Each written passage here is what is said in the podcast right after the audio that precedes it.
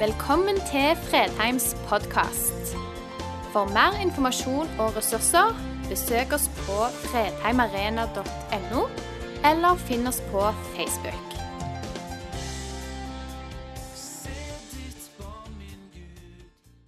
Nå har det blitt sånn og falt i min lodd, eller jeg vet ikke om jeg skal bruke og få den ære å innlede ballet her med hensyn til den temaserien som er satt opp om uh, Josef. Det er jo en av de mest kjente historiene i Gamletestamentet som de aller, aller fleste her uh, har hørt om på søndagsskolen eller blitt lest for hjemme og som er uendelig uh, kjær, som du nevnte, Hans. Denne historia den går jo over ti kapitler i Første Mosebok. Fra Første Mosebok 37 og til det 47. kapitlet. Og det er en veldig sterk og mangslungen historie. Uh, denne uh, mann som vi følger ifra Nesten sagt han blir født og fram til han dør, 110 år gammel, den er eh, veldig dramatisk på mange måter. Fra han ble født og til 17-årsalderen så var den familiesituasjonen som Josef vokste opp i, den var prega av flytting og oppbrudd. Det var motsetninger, familiekrangler, misunnelse og hat som skapte sterke spenninger i familien, og som også endte med tragedie. Det er det som vi i vår tid kanskje ville kalt en såkalt dysfunksjonell familie. Den fungerte ikke i det hele tatt. Den holdt på å falle fra hverandre. Vi har en eh, favorittsønn eh, i forhold til sin far, nemlig Josef, som liten gutt, som den som sto her med kjortelen. Og så har vi en hatet bror når det gjelder den holdning som søsknene hans hadde til han eh, i mange, mange år. Og da han var 17 år, da var han altså solgt av brødrene sine til eh, egyptiske handelsmenn og havna i Egypt. Eh, da var han altså 17 år og tenåring, og til han var ung mann. Dette her eh, fram til 30 år det, det, det, var en veldig turbulent periode der han blir slave og utsettes for urettferdige anklager og ender til slutt opp i fengselet. Eh, jeg satt og tenkte her med hensyn til det at han var favorittsønn. I vår familie så, har vi, så er det en som har et litt sånn spesielt syndrom. Ja, humoristisk sett. Det er noe jeg vil kalle for gullguttsyndromet. Nå sitter han oppi her og ler, han som har det syndromet. For ved diverse anledninger Eh, så har det blitt sånn at eh, når eh, en annen da, og den yngste sønnen i vår familie, som ikke er til stede her i dag, han har diverse ganger blitt kalt for Gullgutten. Og det, det har gått igjen i all, i all vennskapelighet. Og det har vært mye moro med det også. Og jeg får bare si det, Trond, jeg er veldig, veldig glad i deg også.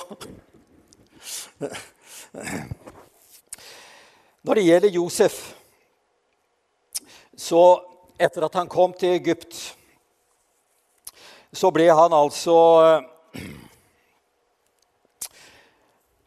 slave hos eh, den øverste militære lederen i Egypt den gangen. Han het Potifar. Men Herren var med Josef, står det, mens han var hos eh, Potifar, og lot ham lykkes. Han ble boende i huset til sin egyptiske herre, og Herren, han så at, Jos, at uh, herren, var, så at herren var med ham og lot ham lykkes i alt han gjorde. Josef vant velvilje hos herren sin og ble hans tjener. Potifar satte ham til å styre sitt hus og lot han ta hånd om alt han eide.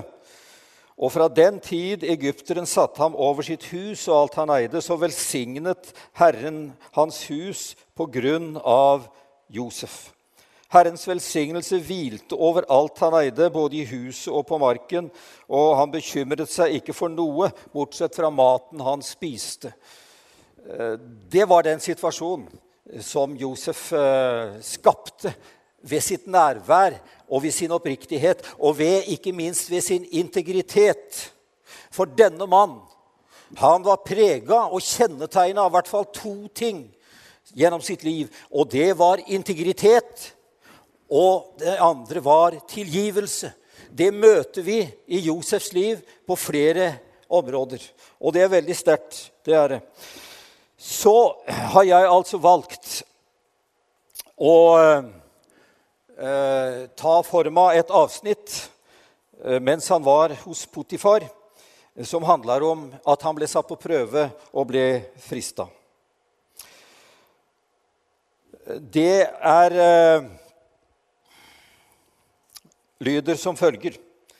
Etter en tid hendte det at Herrens kone kastet sine øyne på ham. Ligg med meg, sa hun. Men han ville ikke og sa til henne, Se, min herre trenger ikke å bekymre seg for noe i huset. Han har latt meg ta hånd om alt. Han, har, han er ikke større i dette huset enn jeg. Han har ikke nektet meg noe unntatt deg, for du er hans kone. Hvordan skulle jeg kunne gjøre noe så ondt og synde imot Gud. Hun snakket til Josef dag etter dag, men han hørte ikke på henne og ville ikke ligge med henne eller være sammen med henne. Og litt av en situasjon som vi eh, kan se for oss her. Fristelser. Integritet i møte med fristelser. Nå vet jeg godt at det har gått inflasjon i bruk av ordet fristelse i vår tid. Jeg gikk forbi et stort uh, matkjøpsenter eller matvaresenter her borte for noen dager siden, og der sto det på vinduene 'et hav av fristelser'. Det er ikke den slags fristelser vi taler om i formiddag. Ikke fristelsen til å gå inn og kjøpe noen matvarer, enten det nå er det ene eller det andre. Kanskje de som har problemer med vekta, eh, opplever at det er en sterk fristelse å gå forbi sjokoladehylla. Men eh, det er ikke den slags fristelser vi, vi snakker om her. Det er ingen av oss som slipper unna fristelser. Fristelser kommer ikke fra Gud. For Gud frister ingen, står det i Bibelen. Og det står videre at alle blir fristes av sitt eget begjær, som lokker og drar. Og når lysten blir svanger, føder den synd, og når synden er moden, føder den død. Det er utviklingen når det gjelder fristelsen, om vi sier ja til den. Og fristelsen har mange ansikter og kommer i mange forskjellige utgaver. Og det er fordi fienden, altså djevelen, kjenner våre svake sider. Han tilpasser fristelsen etter forholdene og situasjonene vi er i. Og så kan vi spørre hva innebærer fristelsen? Og det er en som har sagt det sånn Det er å prøve hvor langt en kan gå. Hvor langt kan jeg gå ut på bryggekanten uten å falle utfor? Hvor fort kan jeg kjøre bil uten å bli tatt? Hvor mye kan jeg drikke uten å miste kontrollen? Hvor mye kan jeg ta av det som ikke er mitt, uten å bli oppdaget? Hvor langt kan jeg gå i dette hemmelige forholdet til den, den personen uten å bli oppdaget? Hvor langt kan jeg gå? Ehm, jeg vet ikke om du har eh, kjent på sånne spørsmål for din del. Og fristelsen tar alltid sikte på å få oss til å si ja til synd. Den fremstilles som noe attraktivt, og den appellerer til vår selviske og fallende natur med løfte om tilfredsstillelse av våre lyster og av vårt ego. Og djevelens hensikt med fristelsen det er å ødelegge og skade vårt forhold til familien og medmennesker. Jeg vet ikke om du noen gang har vært frista til å baktale noen. Kanskje du har gitt etter for den fristelsen også? Da har du gått over i djevelens bransje. For det er den bransjen han opererer i. Jeg har dessverre gjort det en god del ganger. For djevelen er en baktaler. Og ikke minst så er hensikten med fristelsen å ødelegge vårt forhold til Gud.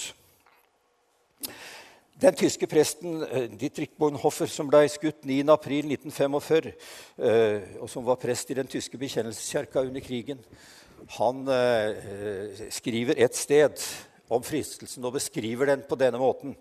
I våre lemmer er den slumrende tilbøyelighet til begjær som både er rask og sterk. Med voldsom kraft griper den herredømme over vår falne natur, altså kjødet. Plutselig blir det tent en hemmelig, ulmende ild, og i kjødet flammer det opp. Det spiller ingen rolle om det er seksuelt begjær, grådighet etter penger og rikdom, eller begjær etter makt og berømmelse, eller hevnlyst og hat mot mennesker.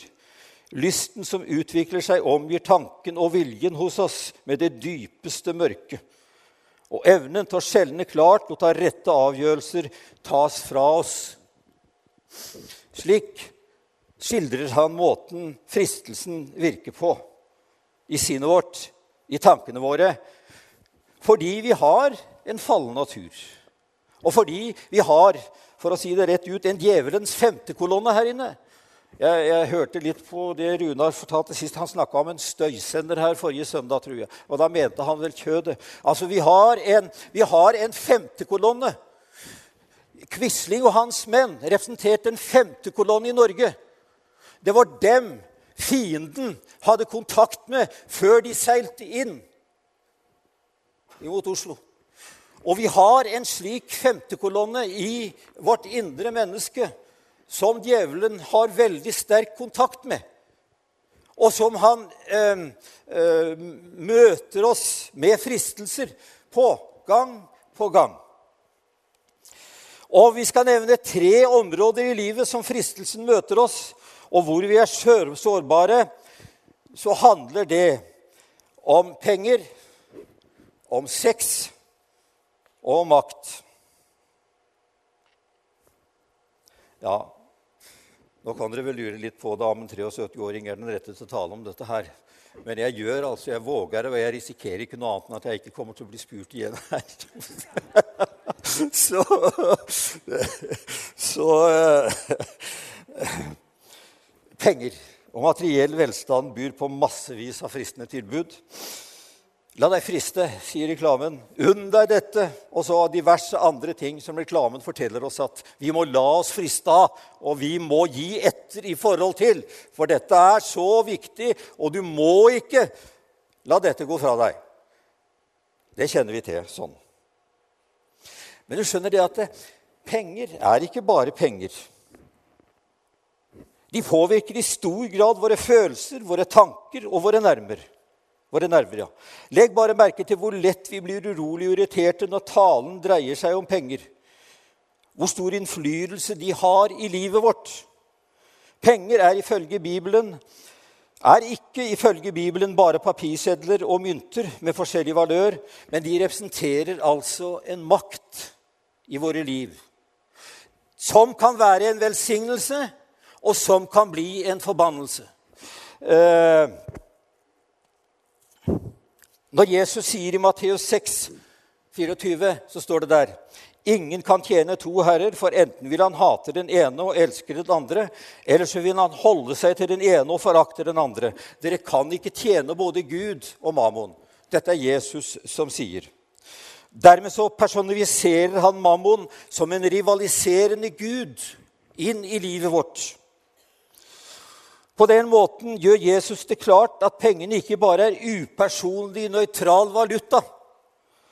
Mammon er en makt som prøver å herske og dominere over oss. Og jeg tror folk at eh, vi må innse hvilken makt mammon har til å forføre. Bakom våre mynter og sedler og kontokort så fins det altså en makt som prøver å vinne våre hjerter og vår hengivenhet. Og jeg skulle hatt moro av å se om det er noen som klarer å rekke opp handa her og si at dette her, det er ikke aktuelt for meg. Det influerer ikke mine tanker og mitt sinn. Det fins en makt bak der som vil tappe oss for all godhet og medmenneskelighet og gjøre oss til slaver. Kanskje suksessrike, men iallfall ikke lykkelige.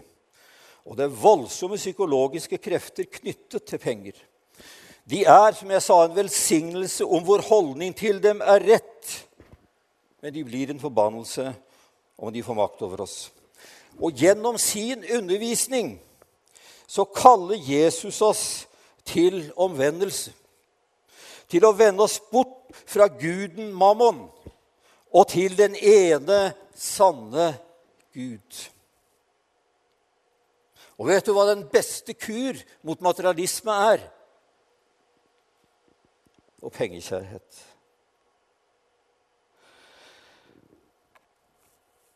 Vi eh, framstår og ønsker å framstå som en forsamling som vil være tro imot Guds ord.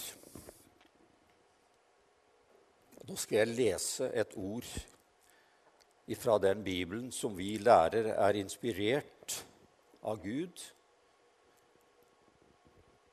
og som representerer hans vilje mellom disse to permene her. Men de som vil bli rike, faller i fristelser og snarer og mange slags dumme og skadelige lyster som senker mennesket ned i undergang og fortapelse. For pengekjærhet er en rot til alt ondt. Ja, sånn står det. Hva du og jeg vil gjøre med det, det er selvfølgelig opp til oss. Men dermed så har Bibelen beskrevet hvilken enorm makt og hvilken enorm fristelse inn i livet vårt, det ligger nettopp i jakten på penger. I ønsket, trangen etter å bli rik. Og det er en som har sagt det, at det er lærerikt å observere hvordan folk frenetisk slåss om penger. Det gjelder ikke bare de fattige og sultne. Tvert imot, de som er enormt rike og ikke har så mye mer å vinne gjennom penger, jager energisk etter dem. Middelklassen, som faktisk har alt den behøver, og som globalt sett er rike, Fortsetter å kjøpe flere hus, hytter, flere biler, mer klær. Jeg står her, jeg regner at jeg følger, hører, hører, med til middelklassen. Kanskje de fleste her gjør det. Mange av oss kunne, hvis vi virkelig ville, sier han, ville leve på halvparten av vår nåværende inntekt uten veldig store forsakelser. Likevel synes vi at det er vanskelig å få endene til å møtes. Og eh, Lisalk, professor i psykologi ved Cornell Medical eh, Center i Amerika, han har sagt folk snuser for å få rede på hva andre tjener fordi pengene i vårt samfunn er et symbol på styrke og makt.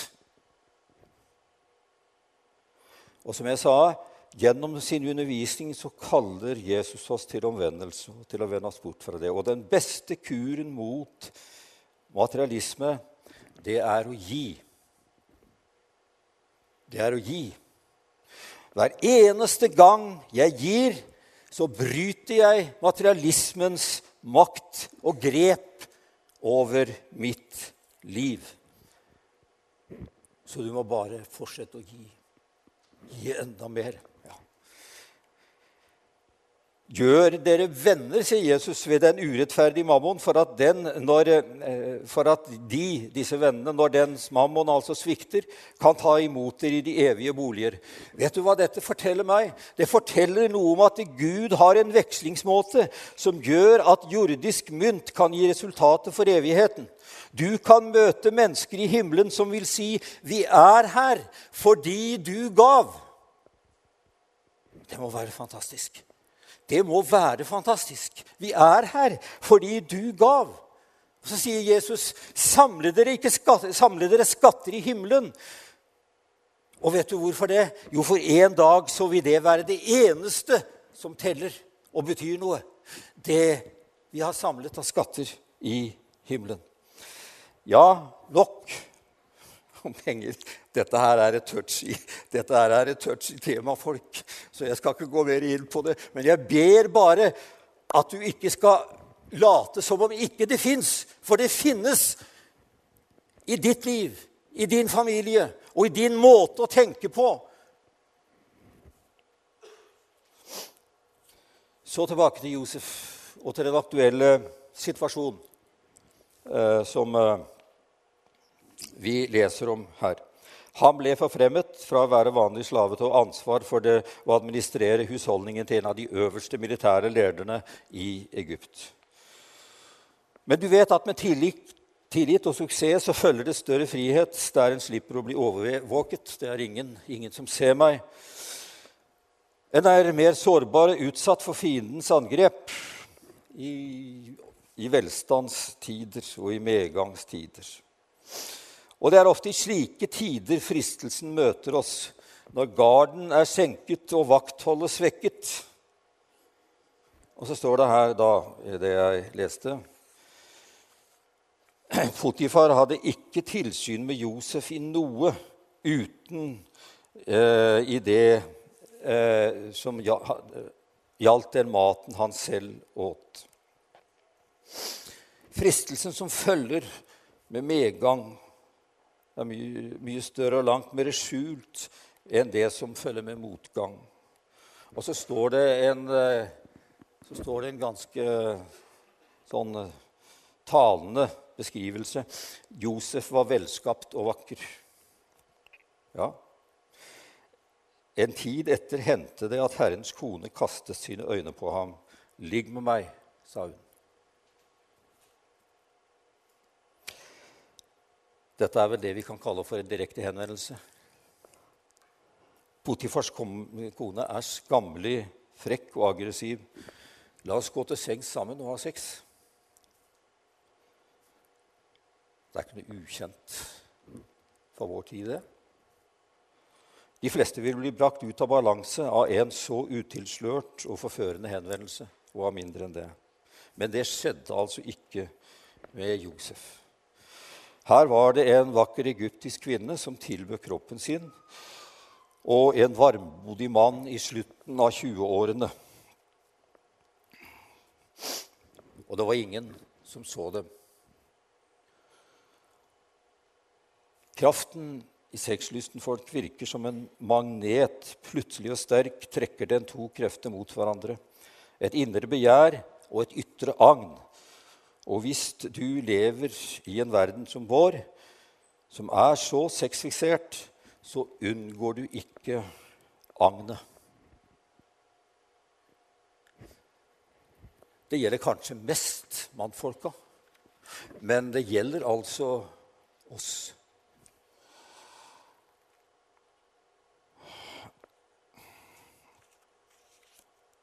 Hva er hor?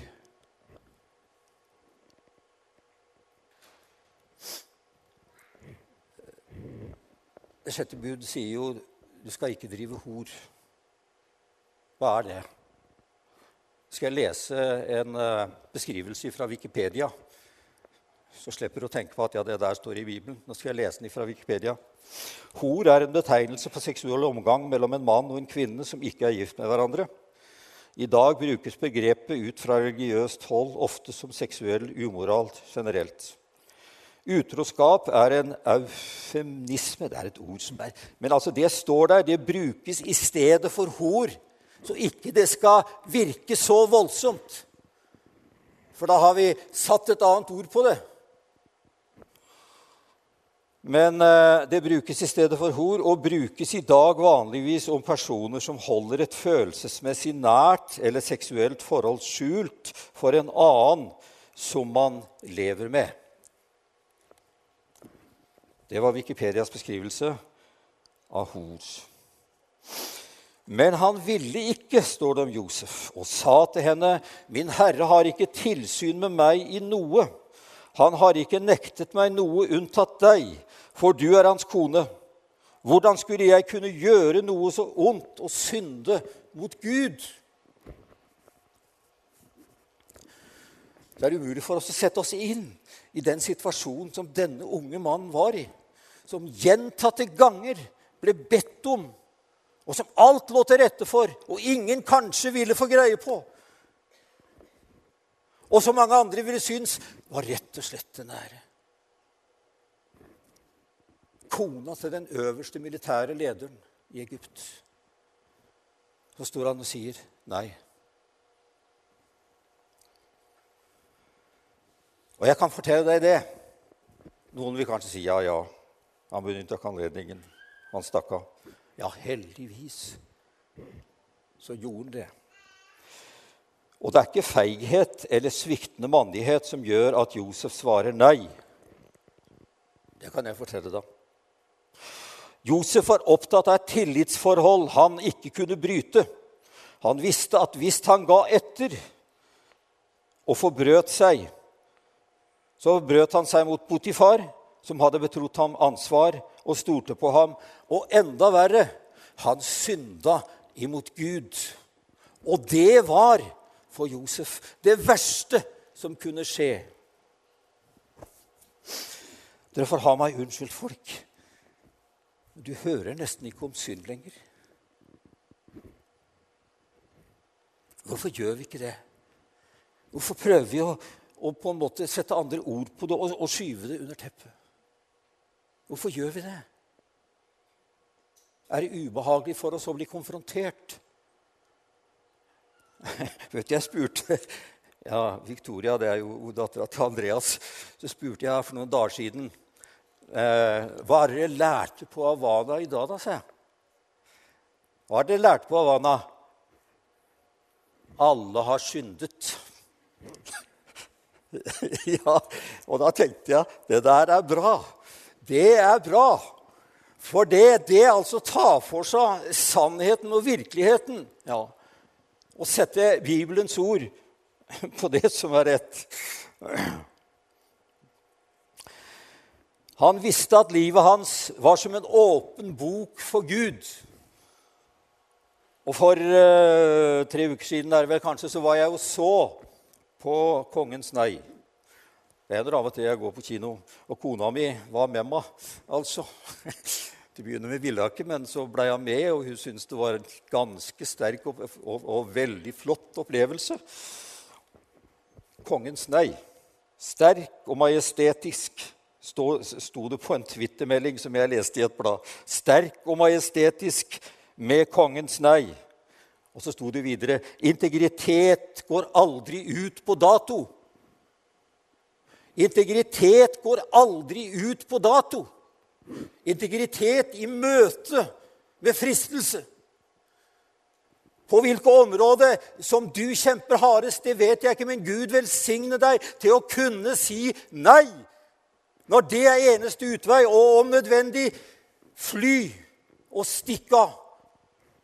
Det er ikke feigt. Det er det ikke.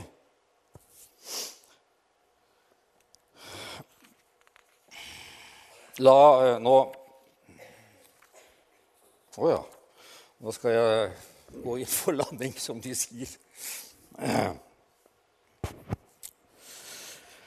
Fru Potifar tok ikke nei for et nei, og dag etter dag så var hun etter ham, og til slutt så gikk hun fysisk til handling og tok tak i ham og dro kappen av ham idet han rev seg løs.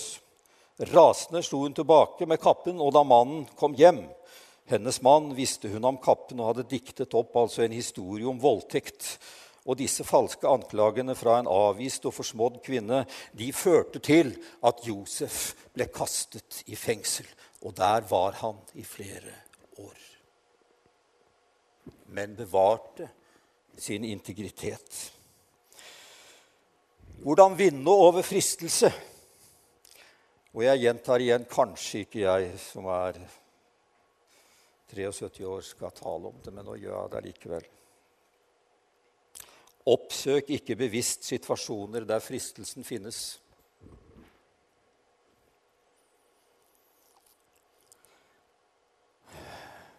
Nå nevner jeg ett ord, så forstår du hva jeg mener. Pornografi. Det er et sted der fristelsen finnes.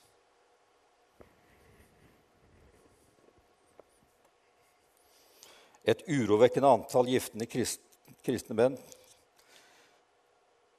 faller som offer for pornografi og gjennom det utenom ekteskapelige seksuelle affærer. En statistikk forteller at 55% ser på porno månedlig. Og det er kanskje for noen sjelden. 35% hadde en utenom-ekteskapelig seksuell affære mens de var gift. La deg ikke lure av forførende overtalelse. Vet du, jeg ikke tenkte på altså, her, den, denne, denne kan jeg, ta, ta sjanse på å drikke den, eller? Dette er rent kildevann. Rent norsk kildevann. Jeg tenkte jeg skulle ta, ta, tatt med et annet glass eller flaske der jeg hadde sluppet den opp på en del jord og andre ting som hadde forurensa Og så skulle jeg spurt da, vil du komme, er, komme opp her og ta den flaska som du mener er best for deg. Så er jeg ikke ringast i tvil om at du kommet opp og tatt den med rent vann. For den andre, den var forurensa, og den var kanskje infisert og ville gjort deg sjuk. Det er det som skjer når du lar pornografi komme inn og få makt i livet ditt. Men jeg må få si dere det, folk. Kanskje du sier ja, nå står du der som en, som en gammel olding og, og, vet ikke hva dette dreier seg om. Jo, jeg vet det. Jeg vet at jeg har ikke Jeg har ikke, jeg har ikke kjøpt noe pornografisk blad. Men jeg har lurt meg til å se de. Når jeg jobba på Hydro i Porsgrunn, så lå det massevis av pornografiske blad i skuffen. Og jeg så på noen av de. Og jeg sliter med ureine tanker, folk, i min alder. Jeg sliter med ureine tanker. Jeg vet ikke om du gjør det. Men jeg skal fortelle deg da faren min var 87 år og jeg besøkte den, så sier han til meg Terje, vil du be til Gud for meg, for jeg sliter så med ureine tanker.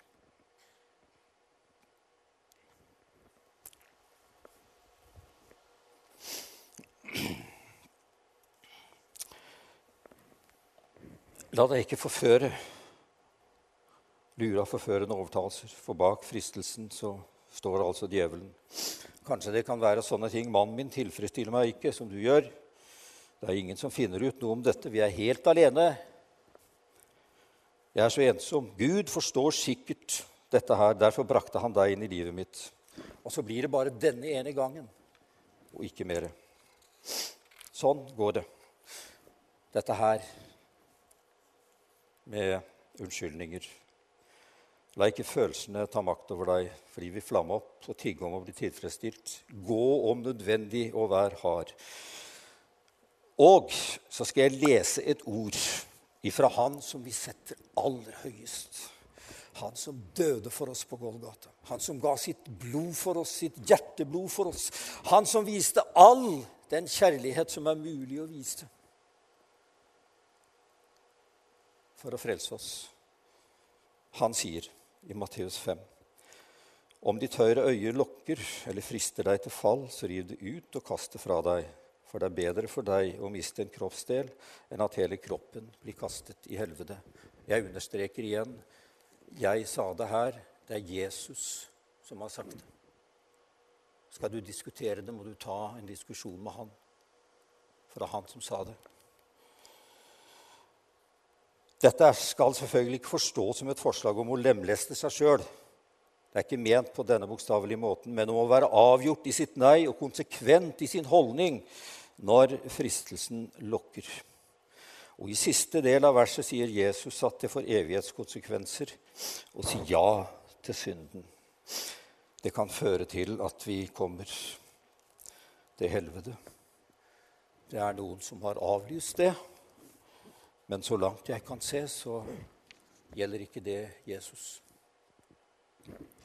Og han er den som hadde best kjennskap til det som fantes på den andre siden, for han kom derfra.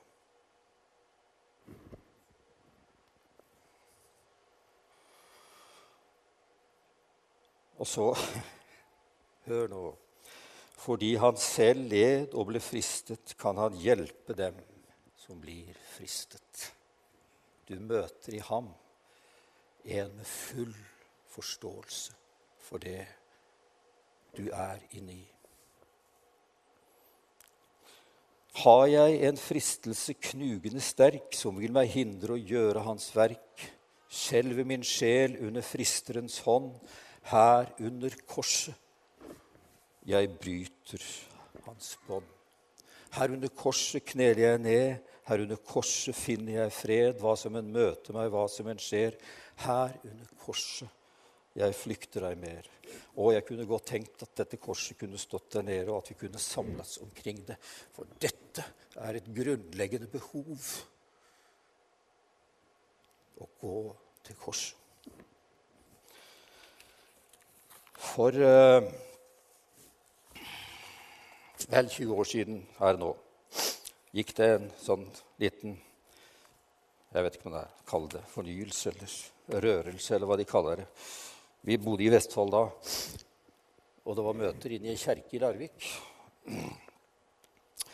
Og det var anledning til å komme fram. Så kommer et ektepar fram, han i han.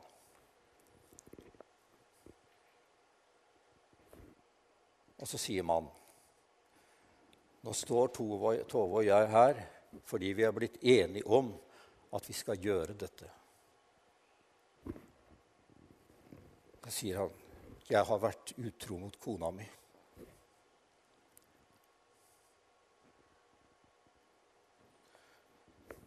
Men hun har tilgitt meg. Og vi har valgt å gå videre.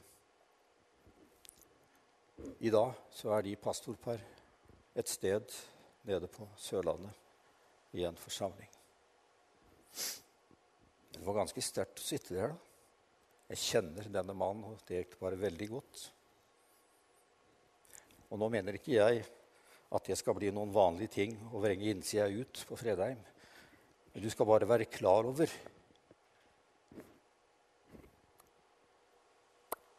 at livet ditt ligger åpent for Gud. Og han er ikke ute etter deg for å ta deg, men er ute etter å ta knekken på det som ødelegger livet ditt. For djevelen kom bare for å stjele og myrde og ødelegge. Og så er det full oppreisning hos ham.